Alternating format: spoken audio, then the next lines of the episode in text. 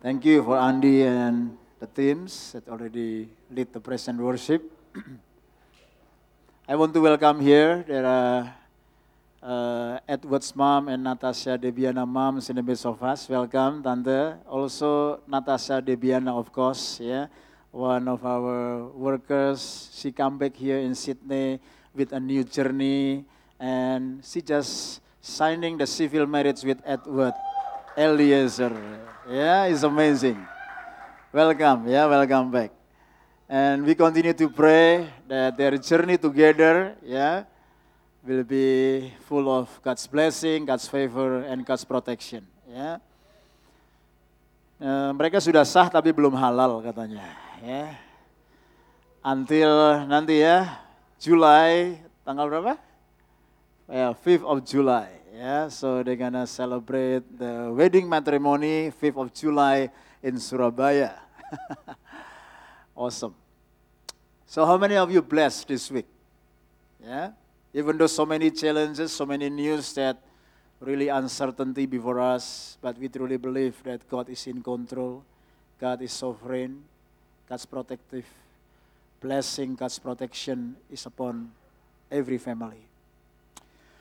So let's prepare our heart and we're gonna receive the word of God. Yeah, if you bring Bible or you bring your uh, gadget, yeah, let's prepare our heart and we declare together because we're gonna receive the word of God. Yeah? Let's say as you mean it. This is my Bible. I am what it says I am. I have what it says I have. I can do. Today I'll be taught the word of God. I boldly confess. My mind is alert. My heart is receptive. I will never be the same. I am about to receive the incorruptible, indestructible, every living seed of the Word of God. I will never be the same. Never, never, never. I will never be the same. In Jesus' name. Amen. So, this morning it is a privilege for us to have Pastor Petrus Hadi and Pastor Linda in the midst of us. I know them about 25 years ago, and since then, our relationship in the kingdom of God is growing stronger, better. And several times I went to Temanggung, sleep over in their home, have a chance to ministry in the beautiful church over there, and we can see that God is amazing, doing amazing works in Temanggung city. Yeah, Pastor Petrus is one of my mentor, one of my spiritual father. And sometimes when I have a struggle in my ministry, in my family, I call him and I ask his advice. And I believe this morning, Pastor Petrus and Pastor Linda will serve and will preach the gospel, the kingdom of God in the midst of us. Yeah. And of course, he gonna speak and deliver, preach in bahasa Indonesia. Yeah maybe bahasa Tegal juga boleh ya. Sebab Pastor Petrus ini come from Tegal and I come from Pemalang. So we are in the jalur bus yang sama. Ya. Kalau ngobrol sama Pak Petrus sudah nggak pakai teding aling-aling ya. Even though he's a senior pastor, big ya, pastor, big body, but the heart is always simple and humble. And I am really blessed every time I talk with them I can sense the fire of God and the passion for God's truth, for God's kingdom is amazing. And I believe their ministry will be a great blessing in the midst of us. Yeah, let's welcome Pastor Petrus. Yeah, thank you, Kopet.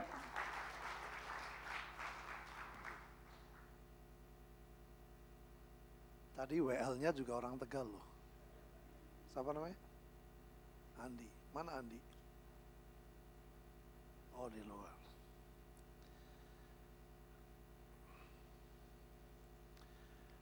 tanggal 29 September tahun 2019 itu adalah tahun baru untuk bangsa Israel.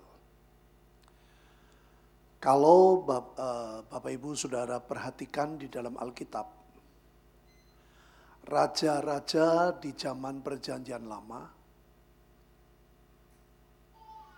selalu menantikan pesan Tuhan di pergantian tahun. Karena di pergantian tahun itu Tuhan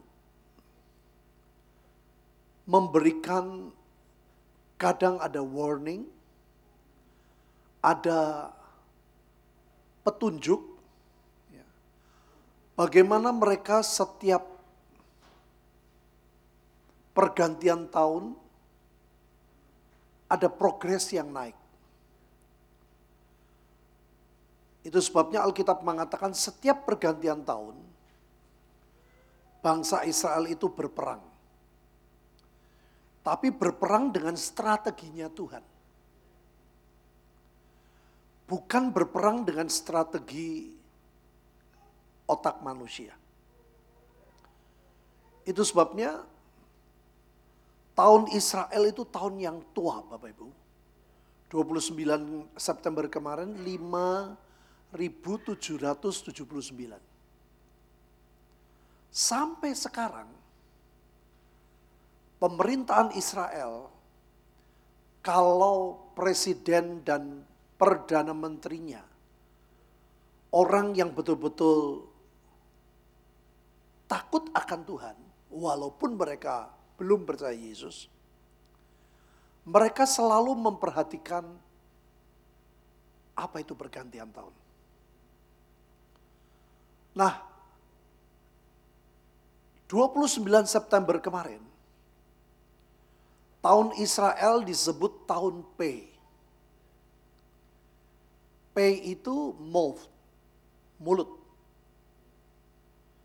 Inti dari pesan dari tahun P ini adalah segala sesuatu yang kita ucapkan yang negatif, yang tidak sesuai dengan firman Tuhan, akan lebih cepat dituntut oleh si jahat. Sehingga ucapan kita itu akan jadi kenyataan. Sebaliknya di tahun P, semua yang kita ucapkan yang sesuai dengan firman Tuhan, Tuhan pun berjuang supaya apa yang kita katakan betul-betul jadi kenyataan. Nah, saudara, kadang ada orang berkata, apa urusannya kita dengan Israel? Kita ini kan bukan orang Israel. Sebetulnya yang kita baca di Alkitab Bapak Ibu, dari kejadian sampai wahyu. Sebagian besar yang kita pelajari itu orang mana toh?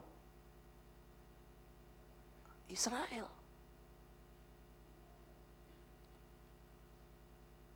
Mazmur pun ya, kitab Mazmur itu hampir semua ditulis oleh Daud itu sebetulnya tentang banyak hal tentang pergumulannya Daud. Kalau Daud sedang mengalami kemenangan, dia tulis namanya Mazmur Pujian. Kalau Daud sedang mengalami kekalahan, dia tulis namanya Mazmur Ratapan atau Ziarah. Januari kemarin saya dari Israel, saya sangat berkesan di En-Gedi. Adalah tempat di mana Daud itu bersembunyi dikejar-kejar oleh Saul. Itu bentuknya masih ada saudara, semuanya masih, uh, kalau Anda pernah ke sana tahu, gua-guanya, ada gua, ada bukit ya. Di situ Daud menulis lagu.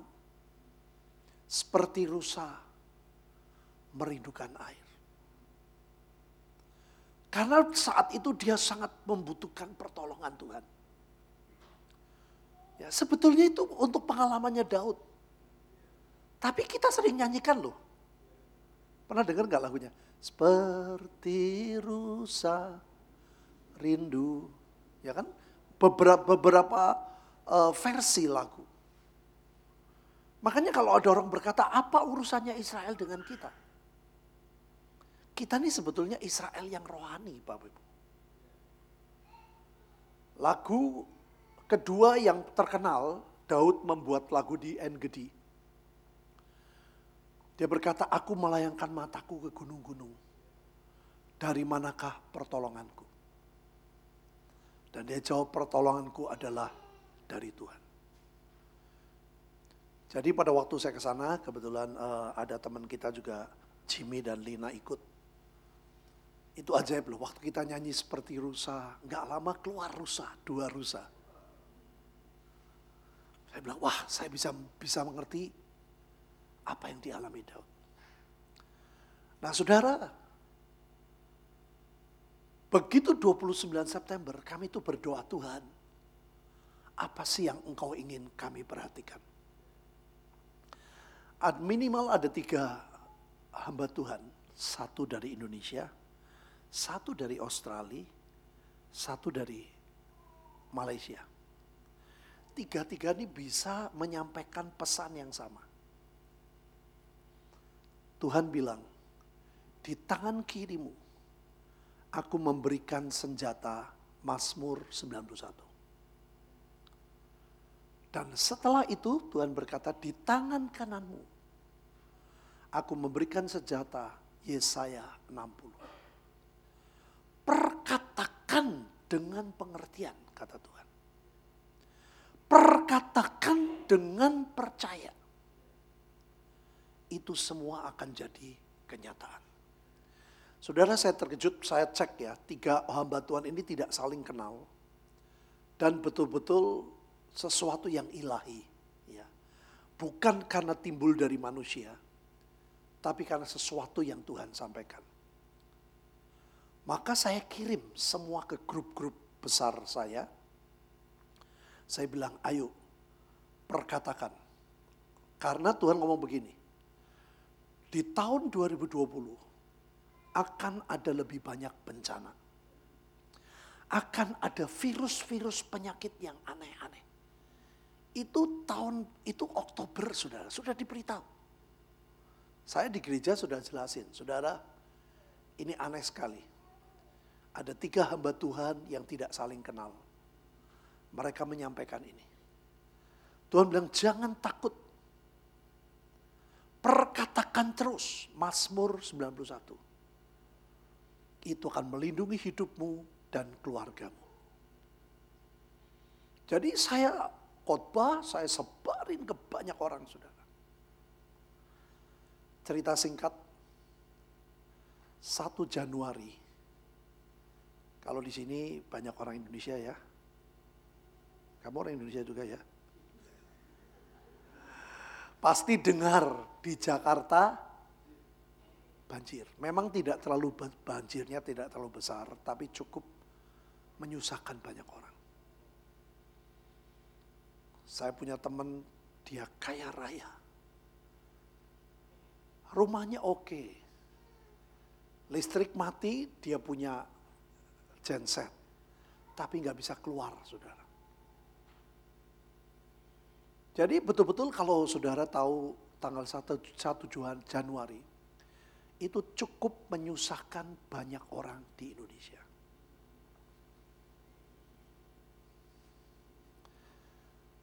Begitu setelah tanggal 1, banyak orang jabri ke saya. Pak, yang kemarin Bapak kirim firman Tuhan, dua firman Tuhan. Yang mana ya? Saya bilang baca saja Mazmur 91, Yesaya 60 tolong Pak kirimkan yang Bapak edit revisi supaya itu menjadi rema buat kita. Loh, kan saya sudah kirim di grup. Saya delete Pak. Setelah peristiwa, saudara sering kali kita tuh seperti itu. Tahun 98, ya waktu itu 94, 93 saya sedang banyak pelayanan di Jakarta. Saya ingat sekali ada hamba Tuhan dari luar negeri dia datang, dia berkata, akan terjadi sesuatu yang mengerikan di Jakarta. Saudara saya aneh loh, orang-orang ngomong gini, tuh mana, kok nggak kejadian? Tuhan sudah bilang akan terjadi masalah yang tidak baik. Harusnya kita tuh berdoa Tuhan, kalau boleh batalkan, betul nggak? Ini malah gereja-gereja berkata, mana buktinya, mana buktinya peristiwa 98 saudara. Dengar di Jakarta, Mungkin saudara tidak di Jakarta. Istri saya waktu itu satu minggu sedang tinggal di rumah Ibu Ani Samiton. Itu Ani, Samit, Ani Samiton, Samiton semua ketakutan saudara. Waktu istri saya telepon saya, dia bilang, ini Jakarta ngeri. Saya nggak bayangin saudara. Saya bilang, tenang gitu aja kok takut. Begitu malam saya lihat TV. Saya nggak tahu saudara yang imannya gede-gede pasti nggak takut lah. Tapi banyak orang goncang saudara. Saya punya kenalan baik uh, apa Pak Kris Wibisono tuh. Pada waktu saya khotbah dia kesaksian tentang anaknya. Sampai anak dia dan dia tidak mau balik ke Indonesia. Karena dia mengalami trauma yang sangat berat. Anaknya perempuan diperlakukan. Mungkin Bapak Ibu dengar nggak peristiwa 98? Itu peristiwa yang tidak kecil. Nah Tuhan sudah kasih tahu. Saya herannya orang Kristen senangnya, mana buktinya? lebih senang mengalami sesuatu. Di Bali, saya dengar ada hamba Tuhan ngomong tentang Bali. Saya di Bali, saya khotbah saudara, doakan Bali. Tuhan bilang akan ada sesuatu yang tidak baik di Bali. Saudara ini waktu itu uh, begitu banyak orang bilang sama saya, pendetanya juga, Pak, kalau Bali Bapak nggak usah khawatir. Bali itu multikultural Bali orangnya baik-baik. Loh, ya terserah Bapak, saya cuma menyampaikan apa yang Tuhan sampaikan. Saudara nggak sampai dua bulan terjadi bom Bali. Yang mati memang sedikit ya, cuma 200 lebih. Tapi itu menggoncangkan Bali loh. Kenapa orang kok senangnya ngalami sesuatu dulu? Puji Tuhan di Australia nggak ada, cuman kebakaran kecil sebentar. Hah? Saya ngomong begini supaya saudara bangun sebentar.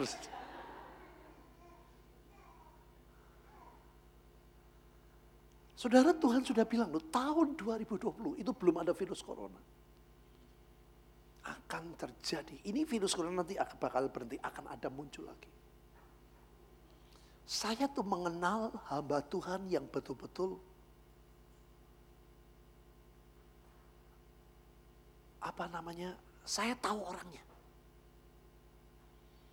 Yang bukan sekedar ngomong pesan Tuhan, tapi betul-betul banyak bukti. Keseniorannya, ketenangannya. Nah, Begitu kejadian sudah, ini saya punya adik loh. Adik saya tinggal di daerah PSD yang tidak pernah ada banjir. Perumahan dia, rumah dia yang dekat danau itu namanya apa saya lupa. Seluruh perumahan banjir.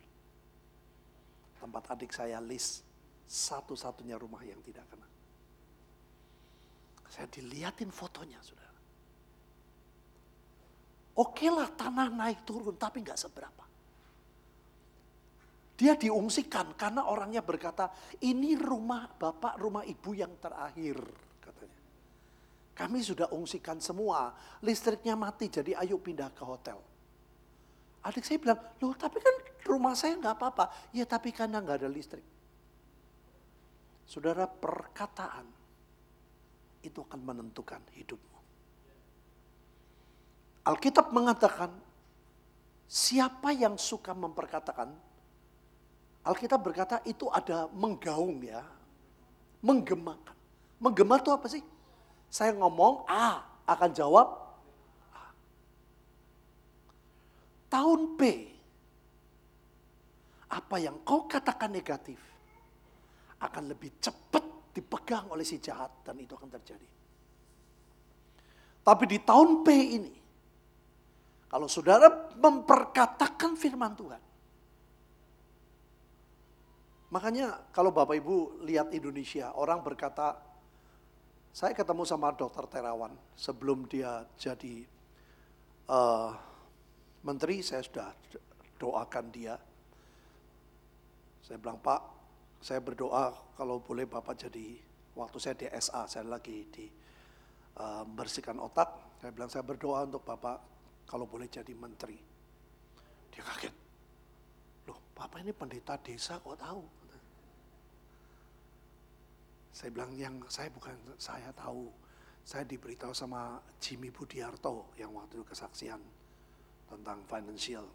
Bapak salah satu kandidat, jadi saya berdoa kalau boleh Bapak jadi Menteri Kesehatan. Apa yang dia berkata saudara? Orang berkata, gak mungkin Indonesia gak corona. Dia ngomong gampang. Kalau kena coronavirus, itu gak usah diteriakin orang tuh pasti pada mati. Ngerti gak? Gak usah lihat tanda, itu pada mati. Tapi ini gak ada yang mati. Masa saya bilang Indonesia kena corona, wong gak, gak ada yang mati kok. Dia ngomong apa Bapak Ibu? Karena banyak orang Indonesia berdoa. Dari bulan Oktober saudara. Saya bilang tiap hari kita perkatakan. Ucapkan Mazmur 91. Ini belum kejadian apa-apa saudara. Saya bilang ucapkan, ngomong itu nggak bayar saudara. Ngomongin orang tuh bayar loh. Saya bilang ucapkan dengan percaya, ucapkan dengan iman. Saya beritahu Pak Terawan, saya agree dengan apa yang Bapak bilang. Kami terus ajak jemaat tiap hari. Waktu itu saudara sehari sekali, jam 10 malam. Karena persiapan kami mau ke Israel, saya kalau ke Israel itu berbeda dengan orang lain. Kami kalau ke Israel, saya tahu Israel itu seperti membaca Alkitab secara visual. Dan saya nggak mau ke Israel itu orang nggak dapat sesuatu. Saya sudah pergi lebih dari 60 negara, sudah. Tapi buat saya Israel itu negara yang berbeda. Setiap saya ke sana, saya merasa belum pernah ke sana. Makanya selalu mendapat sesuatu seperti baca Alkitab, saya selalu dapat sesuatu. Dan tidak pernah membosankan. Saudara, apa perbedaan perkataan dengan perkataan iman? Kita akan lihat Alkitab. Terlebih dulu, 2 Korintus 2 Korintus 4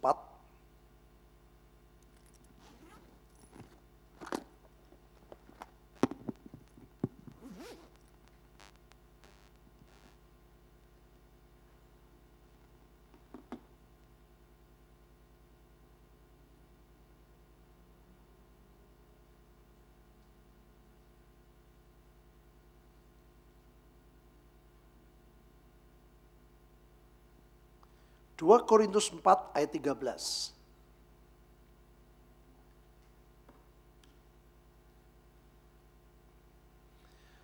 Sudah ditampilkan belum? Ada. Ayo kita baca sama-sama. Dua, tiga. Namun karena kami memiliki roh iman yang sama, seperti ada tertulis, Aku percaya, sebab itu aku berkata-kata maka kami juga percaya dan sebab itu kami juga berkata-kata. Ya, dikatakan namun karena kami memiliki roh iman yang sama. Apa bedanya roh iman dengan orang beriman? Saudara dan saya percaya Tuhan Yesus. Itu masuk kelompok orang yang Orang yang beriman belum tentu dia punya roh iman. Apa itu roh iman? Sudah lihat manusia. Tanpa roh itu mati. Ada banyak orang memperkatakan tanpa roh. Sekarang kalian lihat. Robot itu bisa ngomong loh. Ya kan? Dia bisa jawab pertanyaan. Dia bisa berbuat banyak hal yang seperti manusia. Tapi robot nggak punya roh. Ada banyak orang memperkatakan, misalnya tadi saudara ada declare, itu bagus. Tapi kalau kalian membaca karena sebuah kebiasaan, nggak efek.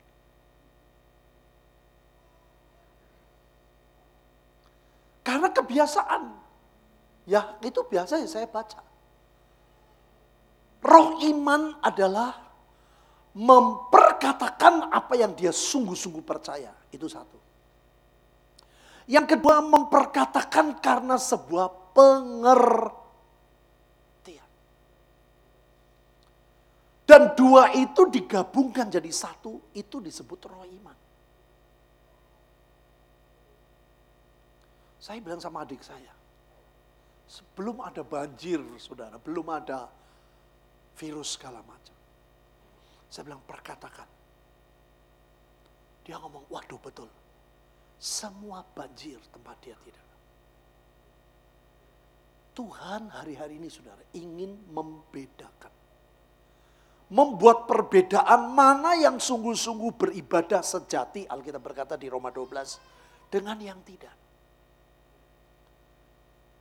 Dan kalau saudara sebagai orang Kristen mau jadi Kristen yang biasa, ya kalian kena. Tapi Tuhan ingin engkau menjadi orang yang tidak biasa. Beyond human. Lebih dari rata-rata. Halo? Pada waktu yang lain Alkitab berkata susah engkau diberkati. Itu yang Tuhan mau saudara. Seribu rebah di sisi kananmu, sepuluh ribu di kanan di kananmu. Engkau hanya melihat dengan matamu sendiri.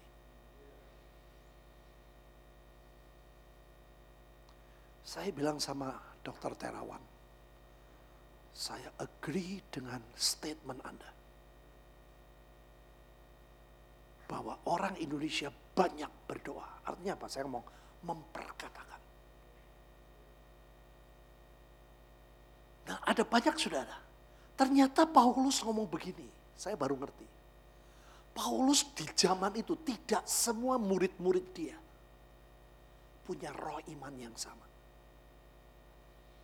Dia ngomong saya hanya dengan beberapa orang punya roh iman yang sama. Yaitu apa? Aku berkata-kata Aku percaya sebab itu aku berkata dulu atau percaya dulu? Lihat sudah. Percaya dengan pengertian. Diperkatakan. Saudara hari-hari ini kami lihat mujizat luar biasa. Saya waktu mau berangkat ke Israel. Satu minggu mau berangkat. Dari bagian tur ngasih tahu Pak, ini bapak bisa nggak jadi berangkat loh. Kenapa? Iran dibom waktu itu sama Trump. Saya tuh puji Tuhan, 95 saya kenal dengan keponakan dari Donald Trump. Bukan Donald Bebek ya, ini Donald Trump sungguhan. Waktu saya di Eropa, keponakannya Donald Trump lagi nyari anjing dogo Argentino sama anaknya Pak Harto, Pak Presiden Soeharto. Jadi saya kenal sama anak Pak Harto dengan ponakan Donald Trump di situ. Itu saya diceritain sudah. Mereka bilang Donald Trump itu dari masa muda itu gila orangnya. Gak pernah ada trauma dalam hidup sudah. Rugi, bangkit lagi ditipu, bangkit lagi. Pokoknya orang nggak pernah ada trauma tuh hidup. Makanya nekatnya bukan main, saudara.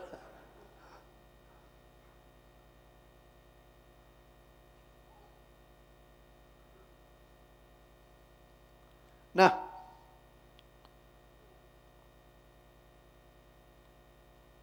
perkataan iman, roh iman, kalau saudara cuma sekedar ngomong dan tidak percaya, tidak dengan pengertian. Itu nggak ada efeknya, saudara. Tapi kalau saudara ucapkan dengan pengertian, ucapkan dengan percaya. Saya sedang lihat banyak mujizat saudara. Waktu itu diberitahu dari pihak tur, Pak, ini kami sedang menunggu surat keputusan dari Menteri Pariwisata Israel. Mereka kan dapat informasi dari intelijen Israel, ini bakal perang atau tidak. Kalau perang, Israel menutup untuk turis. Karena dia menghargai turis. Makanya sudah tahu, kalau kita keluar dari Tel Aviv, itu pemeriksaannya luar biasa. Saya kalau pergi kan bawa alat musiknya komplit. Itu keyboard itu diperiksa satu setengah jam. Dibuka semua loh keyboard itu. Dalamnya dicek ada bom atau mercon. Kalau lewat Tel Aviv, keluar dari Tel Aviv. Ya, Jim. Tapi ini Jimmy, Jimmy baik nih. Saya bisnis kelas semua titip saya. Gitarnya Jimmy titip saya, eh, keyboard titip saya. Ternyata saya yang dipanggil. Waduh, saya mau di dalam mau jalan-jalan di Ben Gurion jadi nggak bisa jalan-jalan. Saudara, tapi ajaib. Kami berdoa berdua, saya bilang Tuhan apa yang harus kami lakukan? Tuhan bilang tiap malam engkau menyembah Tuhan dan memperkatakan. Aku akan merekayasa. Saudara apa yang terjadi? Lima hari sebelum, uh, hari kelima, jadi dua hari sebelum kita berangkat. Keluar surat kementerian pariwisata bahwa tidak akan ada perang. Jadi kita boleh masuk. Saudara saya diberitahu seperti itu, nggak berhenti loh. Seringkali orang itu lemahnya di situ. Begitu ada sesuatu yang enak, kita berhenti. Saya dengar sudah begitu kebakaran, banyak orang Australia berdoa. Kalau nggak ada kebakaran, buat apa doa katanya? Makanya Tuhan izinkan Bencana tuh begitu sebetulnya. Kami itu banyak mendapat jiwa itu kalau lagi bencana, saudara. Tapi Tuhan tidak ingin saudara kena bencana. Halo? Seribu dikirimu, sepuluh ribu tapi tidak menimpa hidupmu. Yang percaya katakan, nah ini yang perlu kita sadari. Saudara, saudara apa tahu Tuhan merekayasa apa? Satu, mendadak Senat dan DPR Amerika tidak menyetujui Donald Trump menyerang balik. Padahal Trump sudah marah, su. sudah nyanyi mendidih di hati. Yang kedua, Iran direkayasa, salah pencet tombol, dem, Ukraine, pesawat, komersil, mati semua. Dia lagi marah tapi dia ditekan banyak orang, diomongin banyak negara, dia malu. Israel saudara, waduh begitu Sola apa Solamain Solamani apa ya yang meninggal itu. Jenderalnya Iran. Begitu meninggal, Netanyahu ngomong apa? Satu-satunya negara di belakang Amerika yang mendukung adalah Israel. Saya seneng jenderal itu mati. Waduh, matang aku. Saya mau ke Israel, dia ngomong begitu. Tapi Tuhan merekayasa. Apa sudah tahu? Belum pernah Tel Aviv banjir seperti kemarin. High tech. Tapi Tuhan buat malu Israel. Tel Aviv banjir. Saudara perkataan roh iman itu merubah yang tidak mungkin menjadi mungkin, saudara. Nah, saya mau jelasin dulu tentang Mazmur 91. Kenapa kita mesti memperkatakan? Tolong ditampilkan uh, Mazmur 91 yang bagian satu. Saya bagi-bagi. Mazmur 91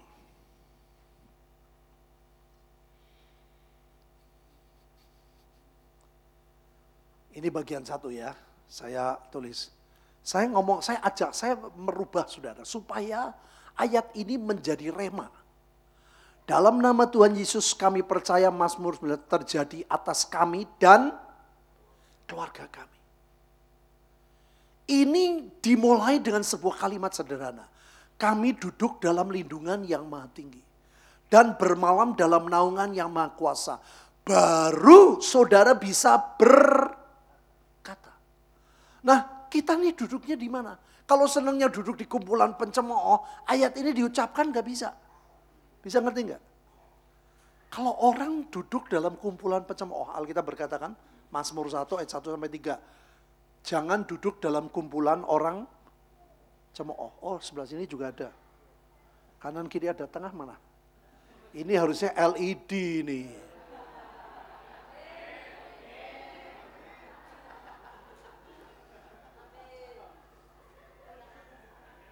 Kasihan banget di Temanggung aja LED kok sini. Yang kota yang mana nih? Sydney atau Temanggung?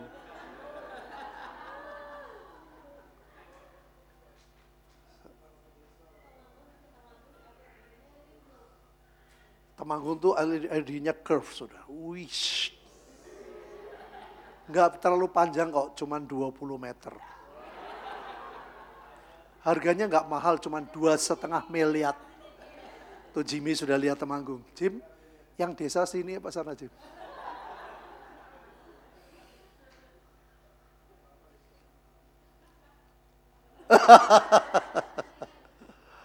nah ini saudara, ini kelihatannya sepele. Tapi persoalan utama di sini. Kita tuh duduk di mana? Makanya Alkitab berkata dari mulut yang sama tidak bisa mengucapkan kutuk dan berkat. Kalau saudara mau pilih perkataan-perkataan iman, dimulai dari sikap hidup kita yang benar. Kalau kita tidak betah sama ada orang yang sananya gosip, dengar gosip, senang, itu enggak memperkatakan firman itu enggak bisa. Gak ada efeknya, saudara. Saya mengajar jemaat, ayo hidup kita berubah dulu, bertobat dulu. Duduk dalam jalan, jangan dalam kumpulan pencemooh.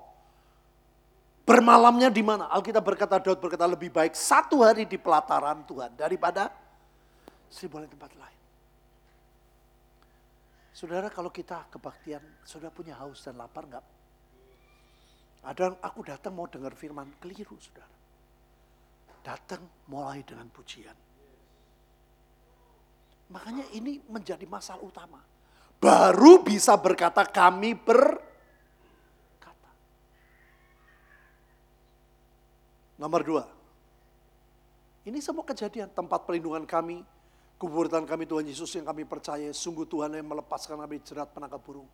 Ada banyak orang alami saudara tempat-tempat kami. Orang mau ditipu dalam bisnis dia perkatakan, Tuhan bisa melepaskan. Yang percaya katakan, dari penyakit sampar yang busuk. Ini belum kejadian, sudah bulan Oktober saya sudah ngomong, ayo tiap hari perkatakan. Ketemu dokter Terawan belum kejadian, saya sudah ngomong. Kami memperkatakan. Makanya dia berani ngomong, banyak orang Indonesia berdoa. Dengan kepaknya Tuhan menudungi kami, di bawah sayapnya kami berlindung. Nah, sudah lihat ya, kesetiaan Tuhan itu luar biasa. Yaitu apa? Perisai dan kuasa jahat tidak akan pernah menyentuh hidup saudara. Itu akan ada perbedaan. Next. Kami tidak usah takut terhadap kedahsyatan malam, terhadap panah yang terbang di waktu siang, terhadap penyakit sampar yang berjalan dalam gelap, terhadap penyakit menular yang mengamuk di waktu petang. Ini baru kecil loh virus corona. Dunia goncang loh saudara. Saya LED, saya kan lagi pesen kanan kiri karena ada orang nyumbang terus tuh. Jadi tambah gede, tambah gede sampai sampai bingung. Masa seluruh gereja LED semua muter. Iya, saya bilang saya bilang kirim uh, duitnya buat pembangunan sekolah. Orangnya Pak saya pengennya LED. Saya tuh pengennya cuma 500 juta saudara. Saya nggak mau Saya senangnya fungsional, gak senang yang mewah-mewah. Orang rebutan sampai telepon ke ke bendara, tolong dong kasih tahu Pak Hadi, terimalah persembahan saya. Saya cuma 500 juta kecil, tapi terimalah katanya. Saya bilang, sudah cukuplah. LED sudah diput dari 500 juta, di satu setengah M. Cukup, saya bilang cukup. Orang ini sampai telepon ke bendara, tolong dong kamu rayu Pak Petrus Hadi supaya terima uang saya. Aneh enggak? Orang rayu malah saya suruh terima duit.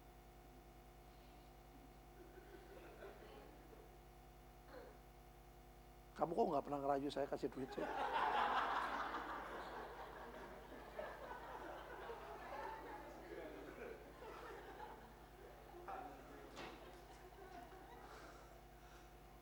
Saya mau ngajak saudara lihat, lihat sesuatu yang beyond human loh saudara. Kalau semua cuma masuk otak, saudara rugi jadi Kristen. Saya tidak pernah mengatakan apa yang Tuhan buat tidak masuk akal. Itu nggak normal. Melampaui. Akhirnya saudara dua setengah M saya buat LED. Itu di Jakarta yang tipe saya punya, yang Temanggung punya itu hanya tiga tempat di Jakarta sekarang pixelnya sangat kecil, ada maskingnya, dan curve karena gereja di Temanggung itu enggak ya itu bentuknya Alkitabnya V, uh, apa ping, mimbarnya V, jadi melengkung begini.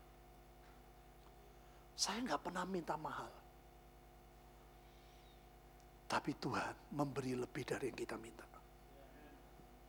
Walau seribu orang rebah di sisi kami dan sepuluh ribu di sebelah kanan, tetapi itu tidak akan menimpa Bapak Ibu. Yang mereka katakan, empat, kami hanya menontonnya dengan mata kami sendiri. Saya benar Tuhan, saya lihat di TV nih.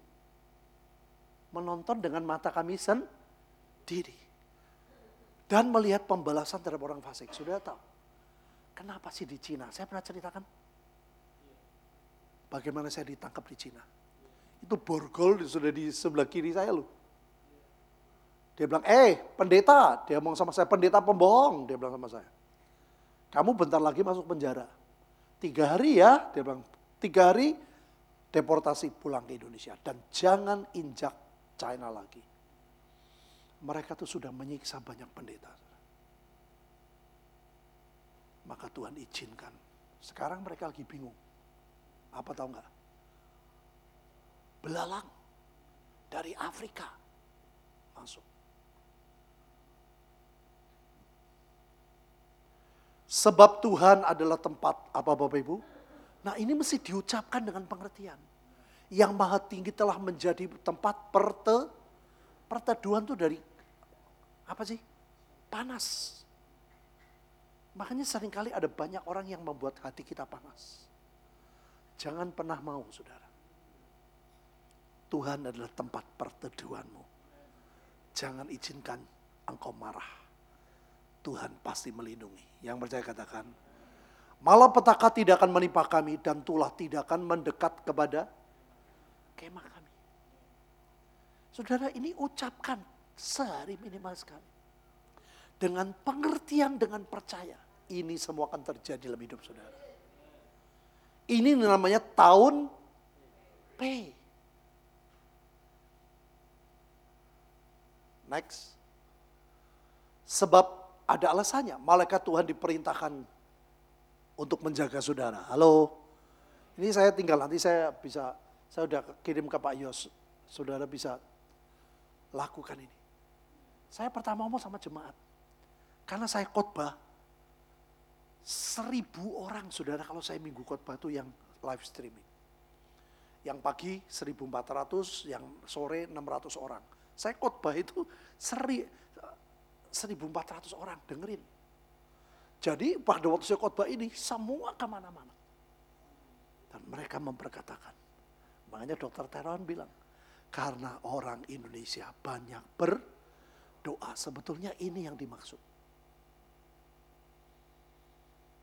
Tuhan akan membuat perbedaan.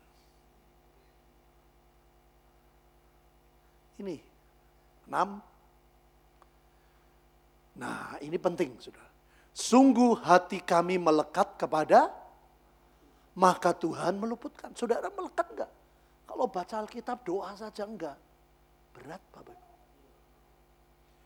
Saya selalu bilang sama anak-anak saya, bangun tidur jangan yang lain. Alkitab dan doa.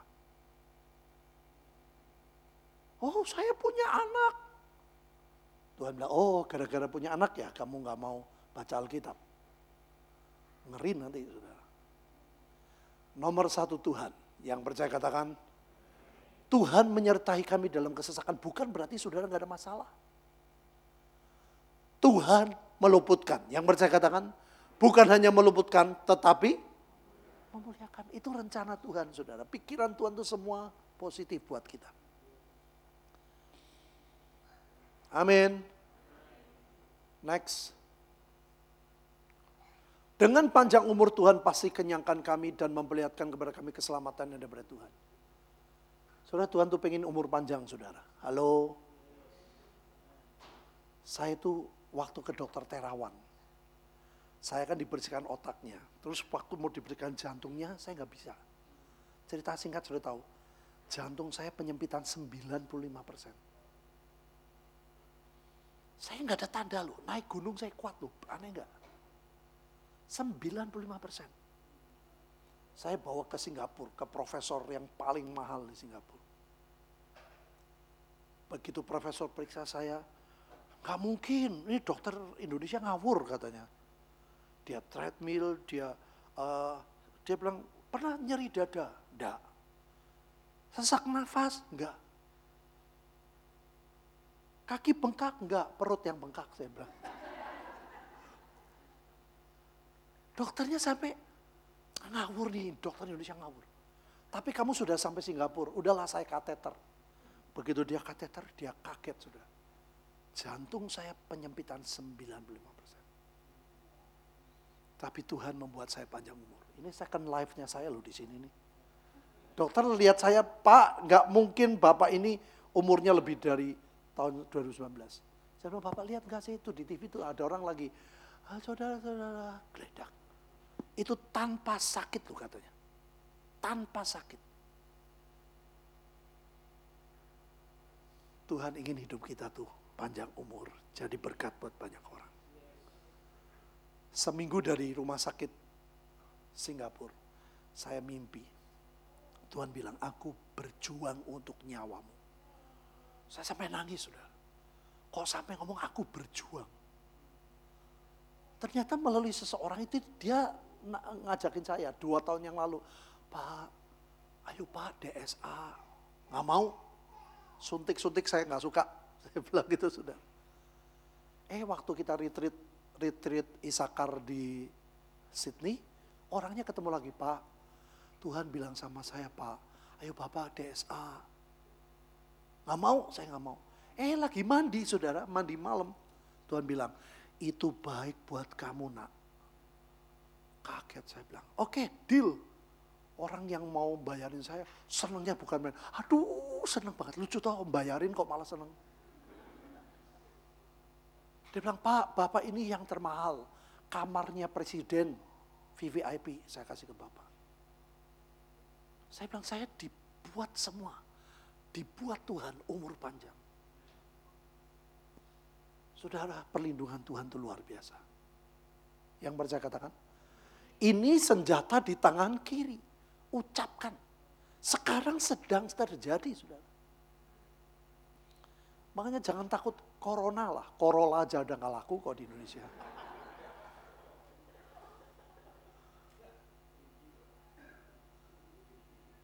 Hybrid aja hybrid. Oke, sekarang Yesaya 60.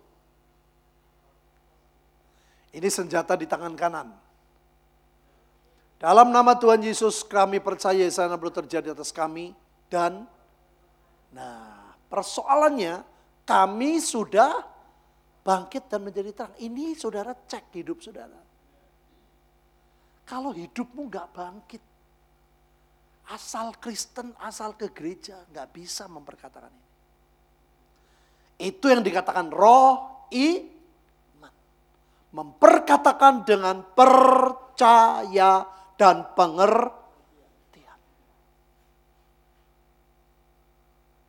Kemuliaan Tuhan sudah terbit atas kami. Dua, sesungguhnya kegelapan menurut bumi ini bencana saudara. Ini virus kegelapan. Kekelaman ini moralitas manusia. Hancur semua. Jadi ini betul ini kelanjutan dari Mazmur 91. Justru dalam keadaan seperti ini Tuhan berkata tetapi terang Tuhan terbit atas kami. Ini sebetulnya ayat ini buat bangsa Israel loh, bukan buat kita. Saya mau tanya, ini sudah terjadi belum jadi sana belum buat bangsa Israel? Sebagian terjadi.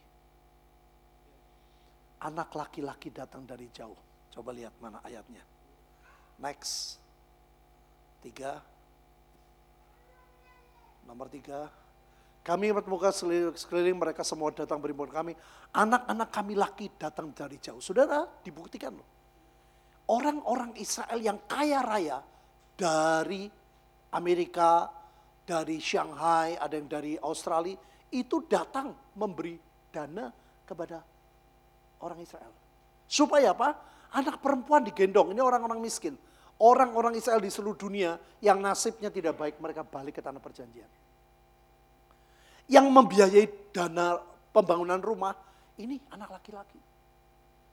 Itu suku Isakar yang menginspirasi. Jadi betul-betul sudah sebagian terbukti.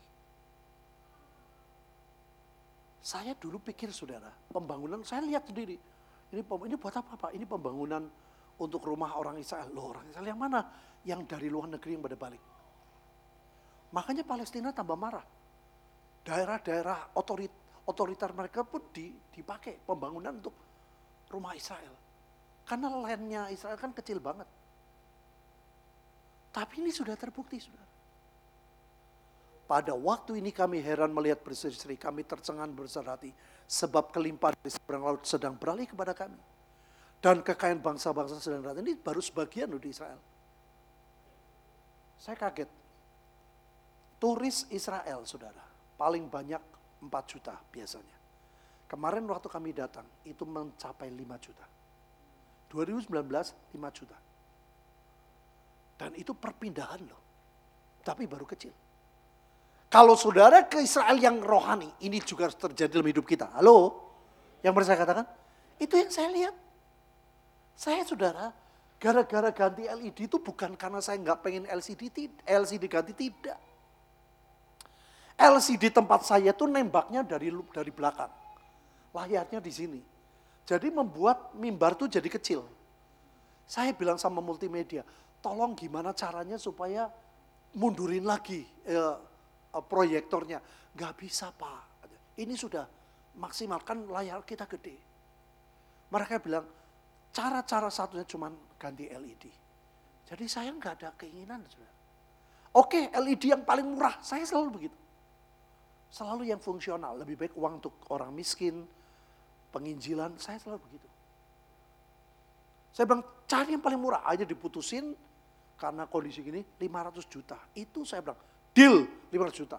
Cari di mana-mana 500 juta yang yang bagus, yang enggak yang terbaik. Eh, saya khotbah, Saudara. Kan didengerin banyak orang. Rebutan, Pak, saya transfer 1 M. 1 miliar itu kalau lagi butuh duit, gede loh, Saudara. Ya toh kalau lagi nggak butuh duit nggak gede, tapi lagi butuh duit gede. Bisa buat makan Super Bowl di Chinatown. Segini loh saya ajak semua. Jadi di situlah Tuhan menggenapi janji-janjinya. Yang percaya katakan. Next. Sejumlah besar unta sudah menutupi daerah kami. Zaman dulu unta dipakai untuk apa? Sekarang sudah ada di gereja saya semua mobil. Dulu tanah saya 5 ribu, orang bilang, aduh kebesaran. Saya beli tanah lagi 1000, 6000. Sekarang buat parkir sulit. Ini bukti janji Tuhan. Dan bukan unta-unta tua loh, unta muda. Jangan beli mobil tua. Jangan keras-keras. Hybrid aja ya, hybrid. Loh saudara Tuhan itu sedang membawa emas kemenyan. Ingat ya, ini zamannya Tuhan Yesus lahir. Betul-betul digenapi. Nah yang paling buat saya paling semangat. Excited banget. Segala kambing domba kedar sedang berimun. Ini belum terjadi di Israel. Palestina ribut terus. Ini akan terjadi buat Indonesia. Karena muslim terbesar adalah di Indonesia. Saya buat tempat kebaktian khusus untuk kebaktian bahasa Jawa. Sudah tahu orang, orang Islam senangnya warna apa? Saya buat hijau. Jadi orang masuk, oh feel at home.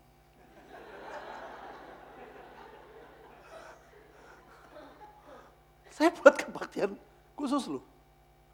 Tempat kebaktian semuanya hijau. Waktu orang Islam masuk, ih hijau. Senang saudara. Janji Tuhan sedang digenapi. Domba-domba jantan Nebayot. Nebayot. Tahu Nebayot? Domba jantan, ini aliran keras. Bakal bertobat, nggak mungkin nggak. Amin. Asal saudara memperkatakan. Ismail. Next. Nah, ini saudara. Semuanya sedang dipersembahkan di atas mezbah Tuhan. Hidup kita harus jadi mezbah. Kalau mezbahnya belum jadi, ini belum belum bisa. Ada tiga pilihan ya, panggung, mimbar, dan mezbah. Kalau panggung itu untuk kepuasan diri. Kalau mimbar, kadang Tuhan, kadang kita. Kalau mezbah itu membakar daging, gak enak.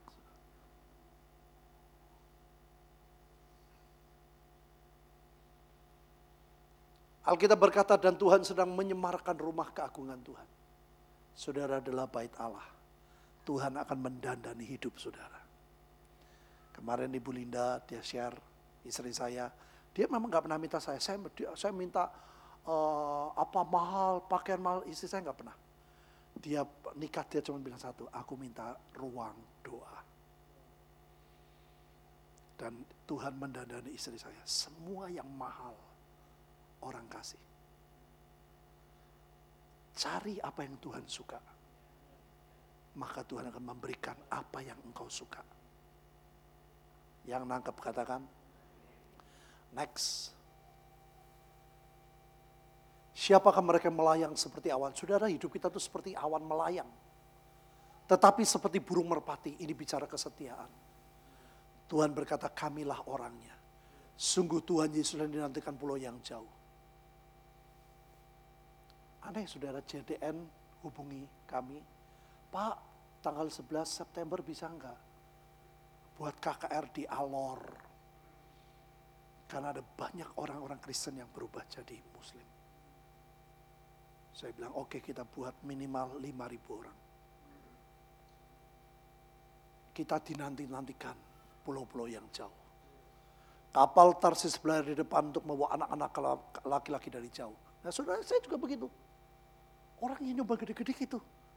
Yang yang kalau saya khotbah itu dengerinnya di streaming. Itu tadi satu miliar, lima ratus juta. Saya bilang cukup, cukup satu setengah m cukup.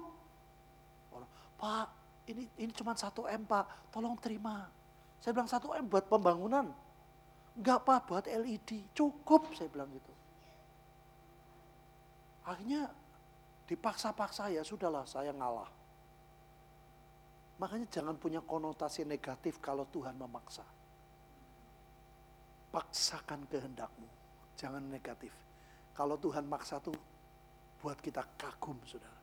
Surprise-nya Tuhan tuh luar biasa. Halo, Tuhan sedang mengagungkan saudara. Yang percaya katakan, next. Ya ini tadi ya. Nah, orang asing sedang membangun tembok kami. Ini betul-betul sedang terjadi saudara. Memang Tuhan sedang menghajar namun Tuhan telah berkenan untuk mengasihi saudara. Artinya apa? Kalau salah cepat bertobat.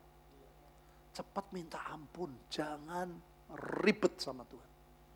Harus simpel hatinya. Tuhan ampuni saya selesai. Tuhan sanggup berubah kutuk jadi berkat. Halo, next. Pintu-pintu gerbang kami terbuka senantiasa. Pintu gerbang itu mulut saudara. Baik siang maupun malam. Makanya saya kalau bangun tidur memperkatakan. Malam mau tidur memperkatakan. Supaya apa? Orang dapat membawa apa Bapak Ibu? Ini saya khotbah, jemaat tuh lihat. Makanya dia bilang geleng-geleng. Heran ya, heran ya. Kas kami ada Bapak Ibu, tiga miliar ada untuk buat itu ada. Saya bilang jangan. Pokoknya lebih baik buat orang miskin kita buat kita sedang memberi kasur. Uh, berilah tumpangan itu di the message itu berikan kasur. Kita datang desa-desa saudara. Memberi kasur kepada orang yang nggak punya kasur. Kita doain orangnya nangis. Supaya mereka tahu bahwa Tuhan itu ada di tengah-tengah kita. Yang percaya katakan? Kita nggak mikir yang lain, tapi Tuhan membuat kita seperti itu, saudara. Ya, ini ekstrim sekali, tapi betul-betul sedang terjadi. Sembilan. Kemuliaan Libanon ya, semua yang terbaik Tuhan sedang berikan. Tuhan sedang memuliakan tempat kakinya berjejak. Artinya apa? Tuhan jadi raja dalam hidup saudara. Kalau Tuhan berjejak jadi raja, Tuhan akan memuliakan hidup saudara. Yang percaya katakan, terus 10. Anak-anak orang menindas kami, saudara kan lihat semua ini akan terjadi. Dulu saudara waktu saya di rumahnya, saya kan piara anjing. Anjing saya kadang-kadang gonggong tuh, nggak ada anjing yang gonggong. Nggak bisa. Ada tetangga tuh, waduh ngawur banget. Dia bilang, itu yang punya rumah sama pembantunya sama ya, seperti anjing ya. Dia ngomong gitu sudah. Saya nggak marah sedikit pun. Gak sampai berapa lama, geledak tidur nggak mau bangun lagi.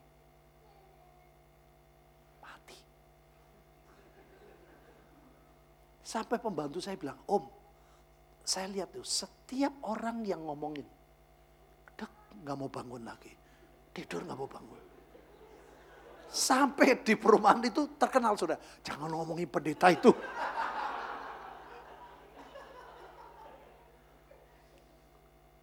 Ini sungguhan loh sudah. Mau nyoba ngomongin saya?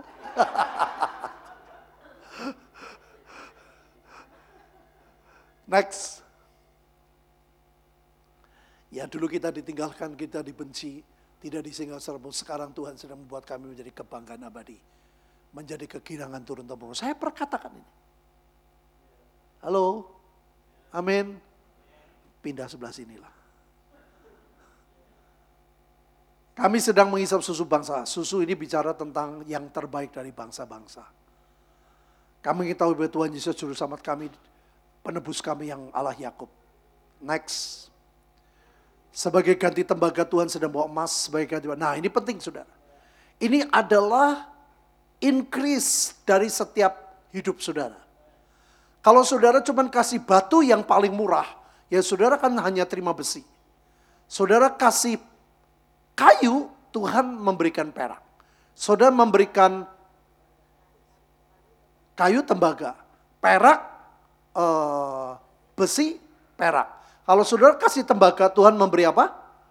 Ini bicara tentang peningkatan kehidupan kita.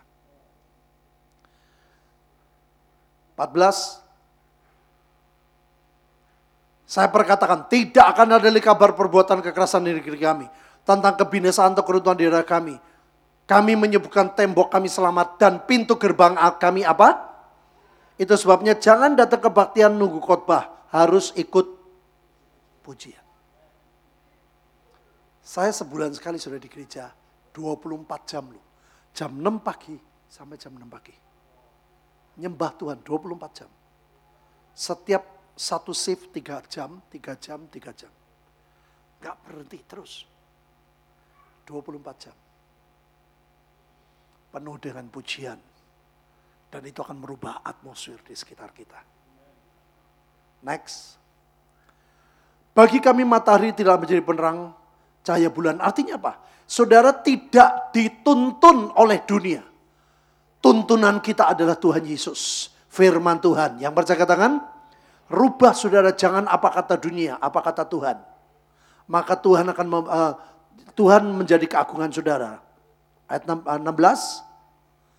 Bagi kami sampai dua kali, saudara, jangan hidup atas tuntunan dunia. Jangan hidup karena rumor, jangan hidup karena apa pun, tapi hiduplah karena Tuhan. Maka hari perkabungan saudara pasti berakhir.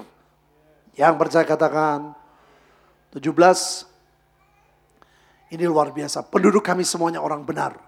Dimulai dari keluarga saudara, keluarga anak-anak semua akan dimenangkan oleh Tuhan kami memiliki negeri itu selama-lamanya. Sudah akan banyak hal yang ajaib. Kami sebagai cangkokan Tuhan yang Tuhan tanam sendiri. Nah ini loh saudara, kita ini dicangkokkan ke pohon Israel. Dari Habel sampai kisah para rasul. Orang-orang hebat. Itu tanamannya Tuhan. Kita dicangkokkan. Kami maka yang kami yang kecil menjadi kaum yang lemah menjadi bangsa yang kuat. Jangan tunggu nanti, sekarang Tuhan sedang melaksanakannya. Yang percaya katakan, saya waktu ujian S3 saudara. Saya sudah dinasihatin sama dosen saya, Pak, ganti desertasinya. Desertasi Bapak ini menabrak kebiasaan gereja. Saya bilang, oke, oke, oke. Eh, saya tidur saudara, Tuhan bilang, tetap saya tuh sering kali Tuhan bicara, otak saya terlalu kuat. Makanya kalau saya tidur Tuhan bicara. Tetap desertasi itu. Saya tetap. Waduh saudara. Itu lima profesor killer yang mau menghabisi saya. Tapi karena saya percaya, saya melihat saya dicangkokkan. Otak saya terbatas. Tapi orang Israel itu pintar-pintar, saudara. Betul nggak? Saya dicangkokkan saya bisa muncul ide-ide yang ajaib. Saya bisa muncul perkataan-perkataan yang mau berkata, stop, stop, udah kamu aja yang ngomong, kamu aja. Profesor sampai, udah kamu aja, kamu aja. Gak berani ngadepin saya, sudah. Dan saya dapat nilai tertinggi. Tuhan sanggup merubah kebodohan menjadi kepandaian. Yang lemah jadi kuat. Yang kecil menjadi be besar. Sudah berkata, aduh saya dananya kecil. Saya punya jemaat, dia full timer gereja. Gajinya cuma 2 jutaan. Bagian multimedia. Sekarang sudah apa yang terjadi? Dia sering khotbah di desa. Anak saya Vincent sering ngajarin tentang kopi. Karena kopi berapa bulan yang lalu pertandingan di Amerika, kopi Temanggung nomor dua. Seluruh dunia. Jadi anak buah saya itu ngajarin kopi, saudara, ke orang-orang desa. Ajaib sekali, dia bisa ketemu dengan orang yang memutuskan orang ini bisa ekspor atau tidak. Barangnya diterima apa tidak. Orang itu kenal baik sama saya. Dia bilang, kamu siapa? Saya dari gereja Sekina. Siapa pendetanya? Petrus jadi, oh saya kenal. Hanya karena kenal, sekarang ekspor. Dalam sekejap, dia naik hidupnya. Saya bilang, tetap rendah hati ya kamu tetap cinta Tuhan, bagian multimedia. Dan Tuhan memberkati hidupmu. Kaum yang kecil menjadi bangsa yang besar. Tuhan sedang melaksanakannya. Yang percaya katakan, mari kita mau praktek saudara. Ayo kita bangkit berdiri. Mulai dari Mazmur 91.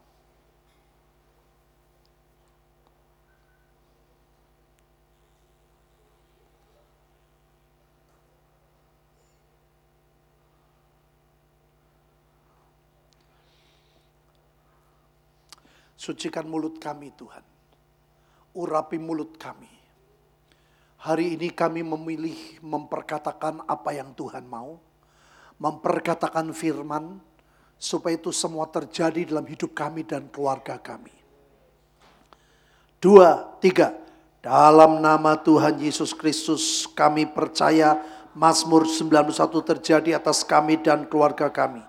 Kami duduk dalam lindungan yang maha tinggi dan bermalam dalam naungan yang maha kuasa.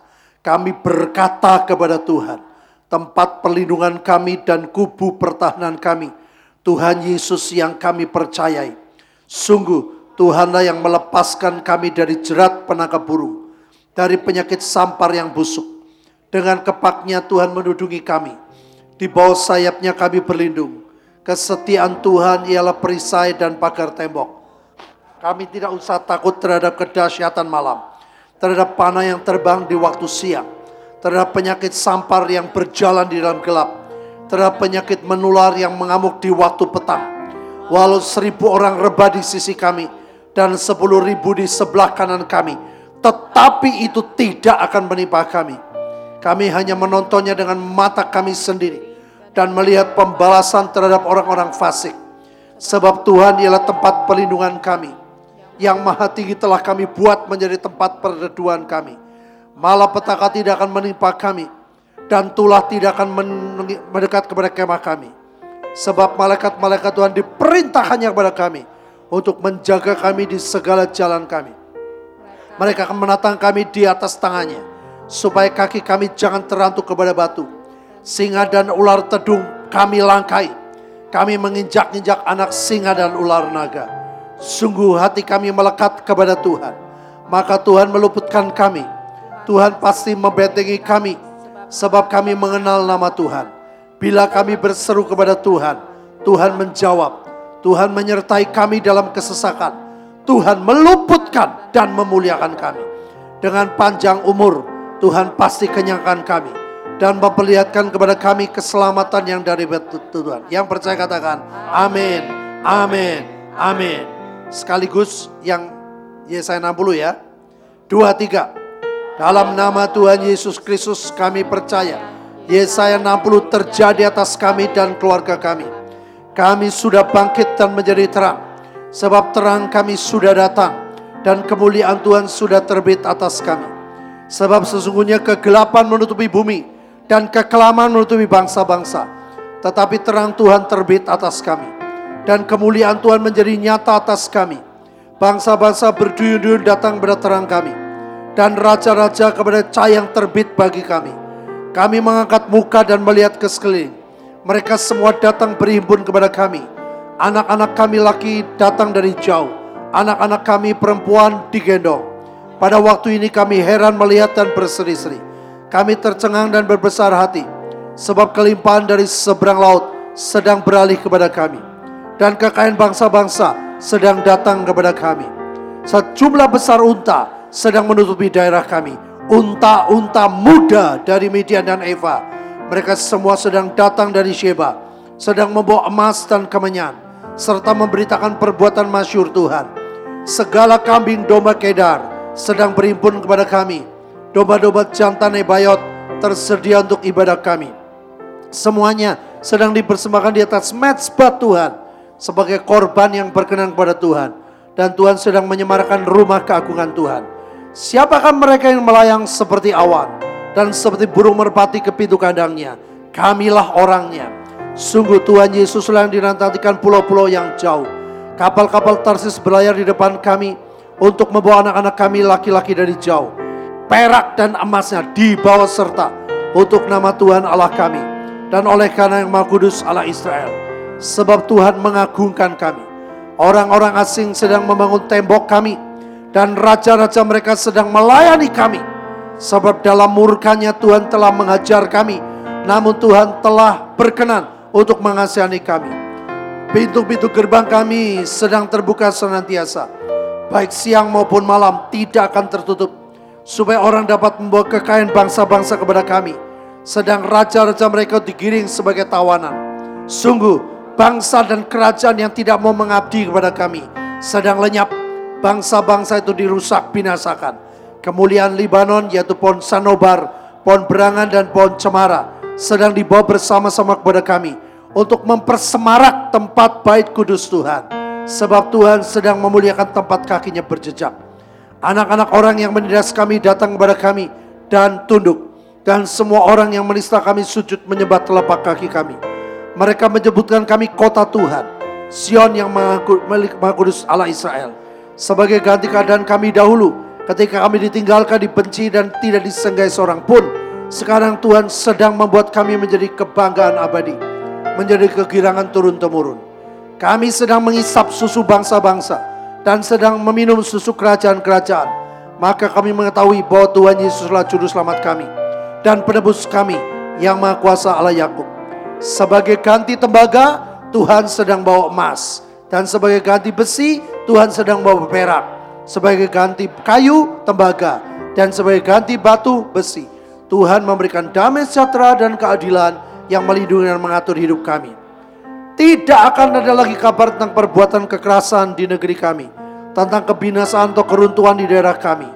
Kami menyebutkan tembok kami selamat dan pintu-pintu gerbang kami pujian. Bagi kami matahari tidak lagi menjadi penerang pada siang hari. Dan cahaya bulan tidak lagi menjadi terang pada malam hari. Tetapi Tuhan Yesus menjadi penerang abadi bagi kami. Dan Allah kami menjadi keagungan kami. Bagi kami sudah ada matahari yang tidak pernah terbenam.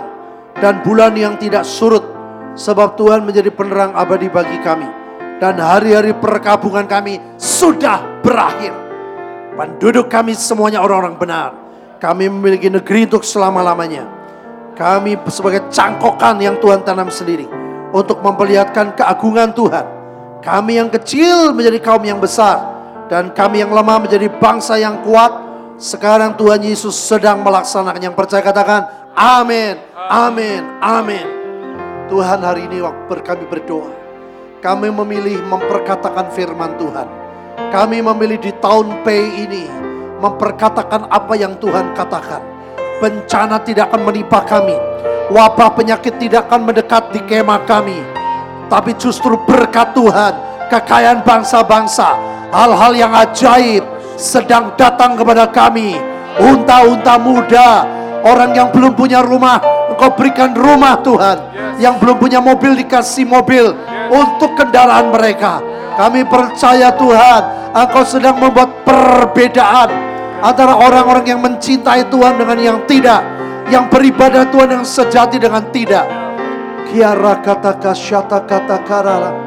Kiara kata kasyata kata kara. Ira kata karala namaramo.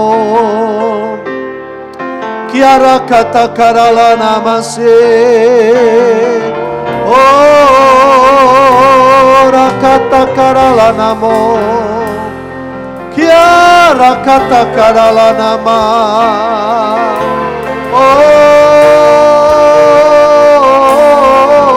Oh. Yana kata karala nama. Ora kaya rala nama se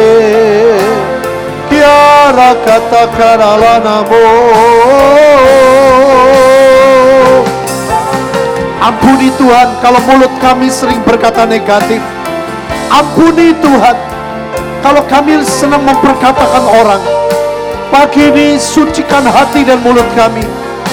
Kami pilih berkat, kami pilih kehidupan. Kami pilih keajaiban. Kami pilih Tuhan semua yang terbaik yang daripadamu terjadi. Kiara kata karalanamo inakase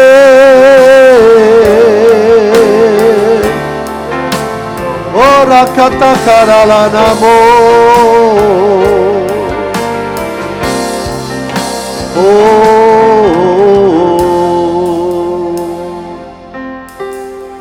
Saya minta istri saya berdoa. Boleh berdoa buat jemaat.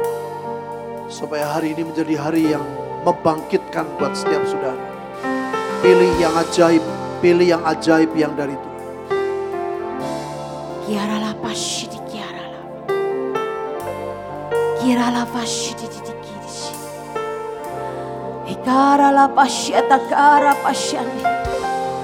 Terus bawa hati kami Tuhan. Terus saudara menyembah Tuhan. Terus bawa hati kami Tuhan. Bawa hati kami Tuhan. Terus Tuhan, terus Tuhan, terus, terus Tuhan. Terus dibuka lagi, disingkapkan lagi Tuhan. Ihara la pasyete kiara papa papa papa tata tata sikiara. Hika papa papa tata tata tata sikara pasyate. Hikara la pasyidi kiara pasyidi kiara la. Hihara la pasyidi kiara la vo.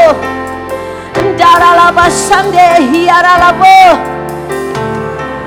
Shikireri shikara la.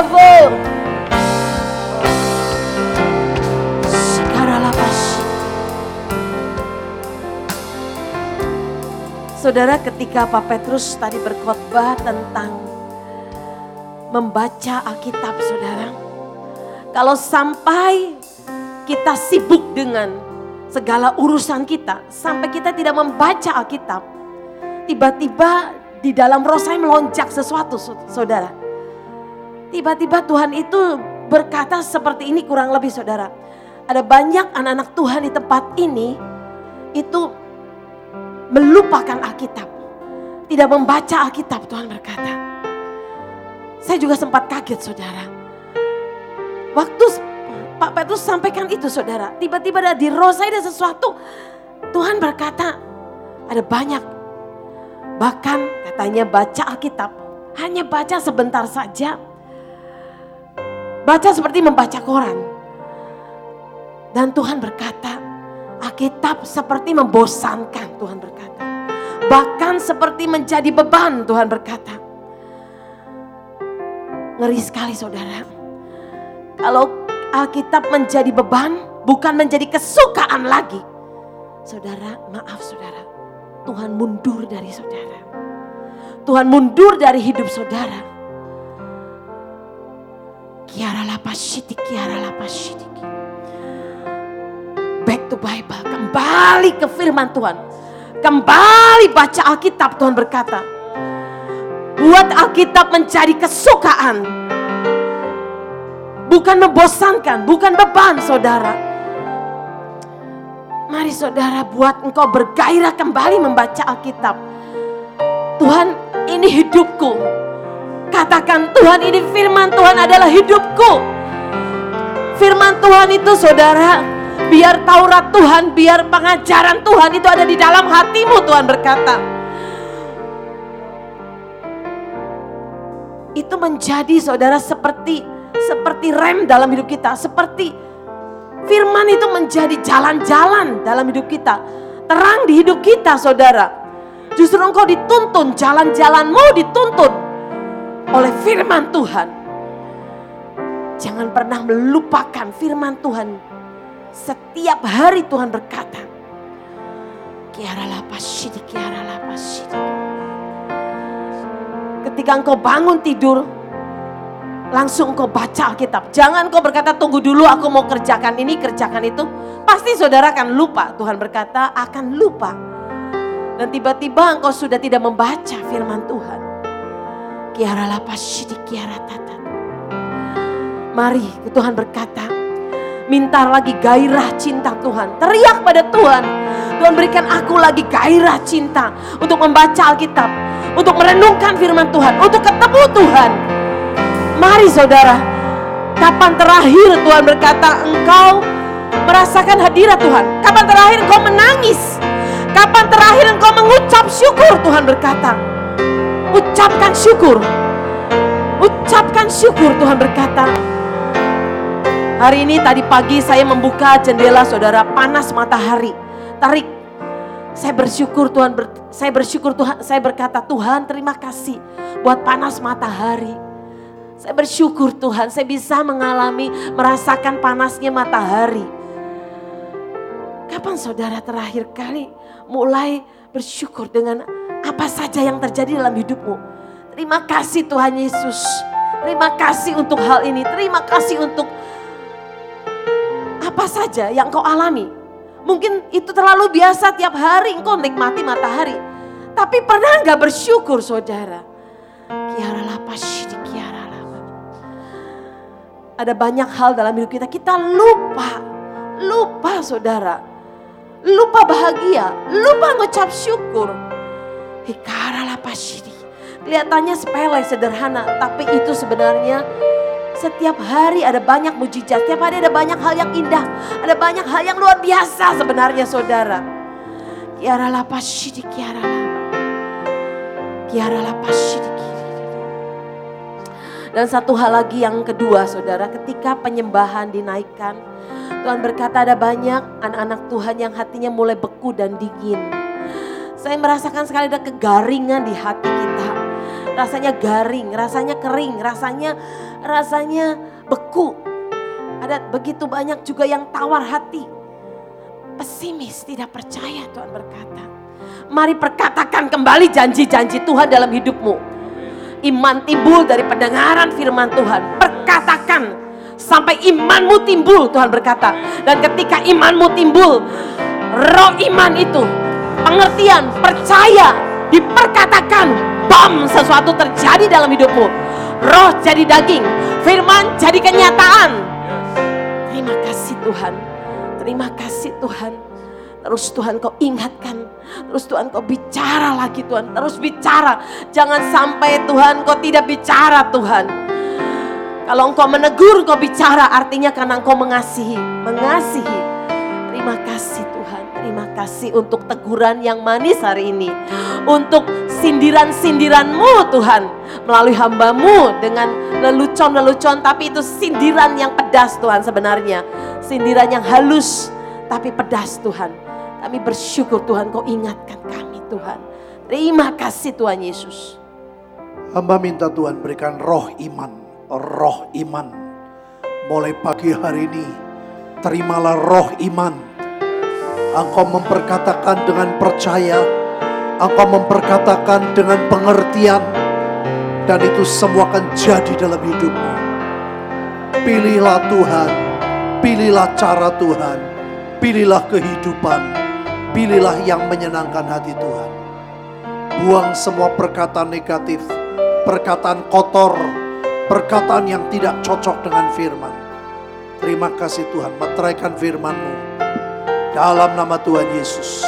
Yang percaya katakan, amin. Silakan duduk Bapak Ibu.